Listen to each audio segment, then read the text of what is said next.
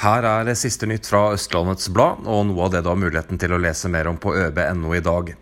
Svømmehallen på Langhus kan bli et halvt år forsinket. Les hvorfor på våre nettsider i dag. En eiendomsmegler fra Kolbotn drar sin tidligere forretningspartner for retten. Og du kan også lese om samboerne Miriam og Alexander på 25 og 27 som skal kjempe om å vinne drømmehytta i TV 2-program. Endelig er ventetiden snart over også for Skirøde Kors. Det nye huset deres vil snart være på plass og klart til å tas i bruk.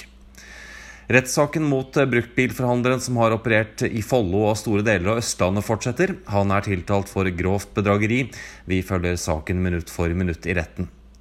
Et ektepar fra Kolbotn testamenterte en leilighet til 5,45 millioner kroner til veldedig formål. Og omleggingen for tre år siden satte virkelig fart på salget for Morten og Ekstra i Ski. De har økt med hele 25% Du kan også se den helt spesielle boligen på Nesodden som bokstavelig talt ble revet unna fra markedet på rekordtid. Hele 750 000 kroner over prisantydning.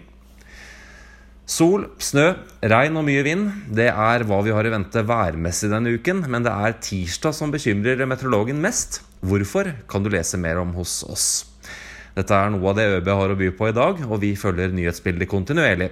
Husk også å melde deg på vårt daglige nyhetsbrev, slik at du kan bli oppdatert rett i innboksen din hver eneste morgen 07.00 på hverdagene. Mer om dette og et kontinuerlig oppdatert nyhetsbilde finner du alltid på øb.no. Og du, hvis du ikke er abonnent, akkurat nå koster det bare fem kroner for fem uker å abonnere på lokalavisen din. Det er mye lokalnytt for pengene, det. Ha en fin dag.